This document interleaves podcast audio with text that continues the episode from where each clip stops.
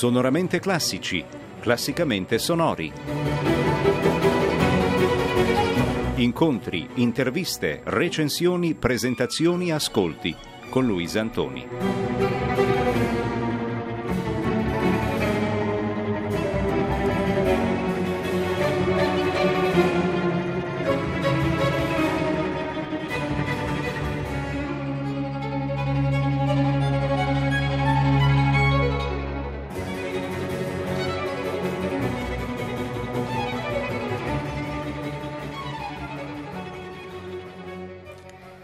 Ascoltatori ed ascoltatrici, bentornati.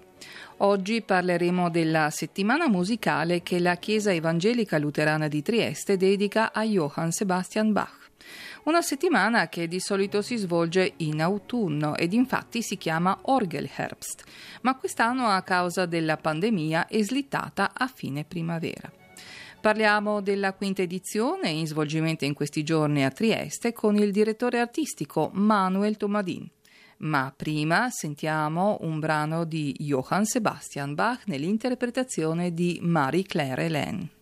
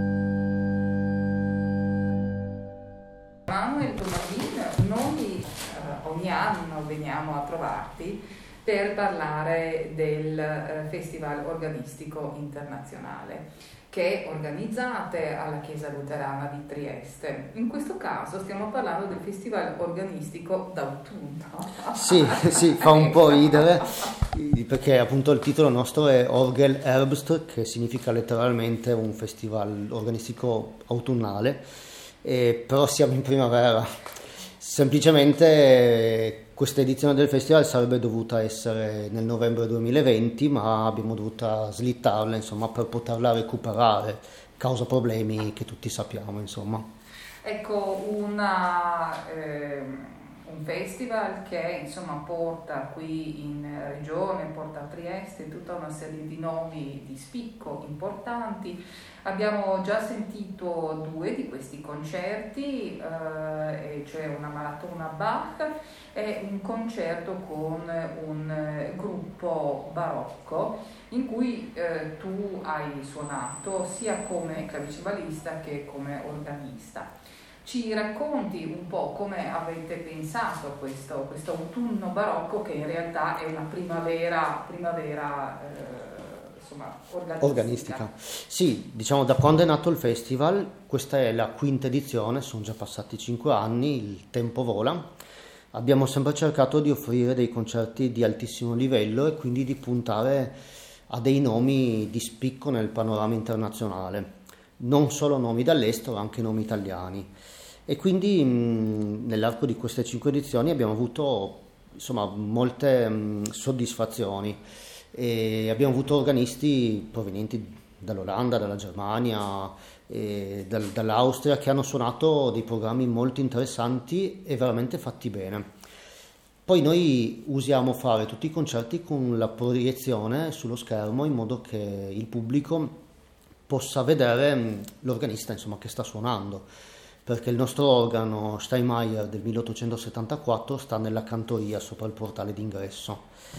E poi da novembre del 2019 abbiamo una new entry, chiamiamola così, una novità. Nella Chiesa Luterana abbiamo due organi, non ce n'è più uno solo, perché praticamente Don Umberto Pineschi, un sacerdote di Pistoia, ha donato al Conservatorio di Trieste un organo di Tronci del 1793, completamente originale, lui, essendo diciamo, di origine triestina, ha voluto donarlo in qualche maniera alla città di Trieste, ma in primis al conservatorio. E il conservatorio, non potendo avere diciamo, lo spazio adeguato, più che altro non è una questione di spazio, un posto diciamo, che lo rappresentasse, perché un organo chiuso in una stanza non dà al massimo. L'organo ha bisogno di una sacralità, comunque di un posto con una certa acustica. Allora mm, diciamo, ci siamo accordati col conservatorio e quindi la Chiesa luterana ospita questo strumento. E noi abbiamo cercato da subito insomma, di, di, metterlo, come si dice, in esercizio. E è rimasto in pausa diciamo, per un anno, però finalmente riusciamo a utilizzarlo. E quindi i nostri concerti da questa edizione si tengono contemporaneamente con una parte nell'organo piccolo, diciamo nell'organo barocco, e una parte nell'organo romantico, insomma l'organo grande. E quindi niente, quest'anno abbiamo deciso anche di prendere qualcosa che si usa un po' da, da un po' di anni all'estero e abbiamo iniziato il nostro festival con una maratona Bach. Poteva essere anche una maratona di altri compositori, però abbiamo deciso di dedicarla a Bach. Cioè cosa significa? che ci sono un gruppo di organisti, in questo caso ne abbiamo avuti tre, io, il maestro Ferruccio Bartoletti e poi il maestro Vladimir Matesic, che era mio collega in conservatorio, e ci siamo divertiti nel suonare alternativamente, alternatamente e, diciamo delle musiche di Johann Sebastian Bach, sia all'organo piccolo che all'organo grandi, quindi musiche diciamo in gergo per chi lo sa, musiche manualiter e musiche pedaliter ed è stato molto interessante perché mh, quando si suona da soli c'è una certa energia, una certa adrenalina, ma il suonare in tre comunque comporta un certo mh, confronto, quindi l'adrenalina sale notevolmente e questo fa sì che porta comunque gli organisti, i musicisti in generale, a suonare mh, ancora meglio, insomma. e secondo me questo il pubblico lo sente, insomma. Sta di fatto che è stato un concerto molto apprezzato, molto sentito, molto appagante e abbiamo avuto anche il pieno della chiesa, diciamo nel limite della capienza che si può adesso, insomma, quindi più di questo numero non, non si poteva avere, insomma.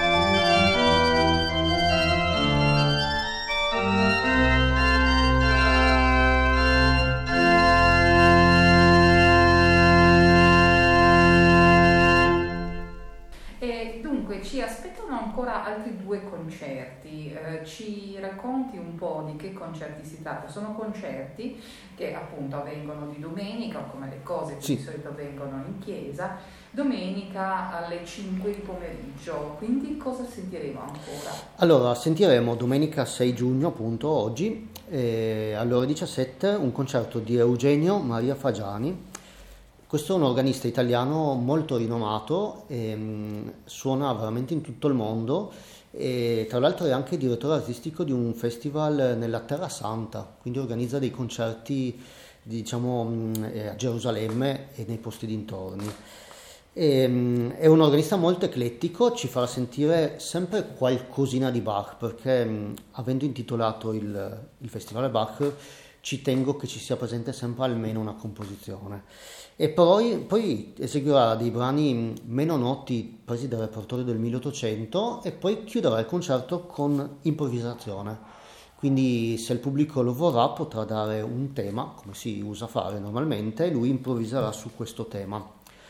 E, ehm, invece l'ultimo concerto, domenica 13 giugno, sempre ore 17, sarà di Matteo Venturini, che è un caro amico e docente al Conservatorio di Cosenza e anche lui farà un programma mm, sempre impregnato su autori tra il 1800 e il 1700, anche lui utilizzando entrambi gli organi.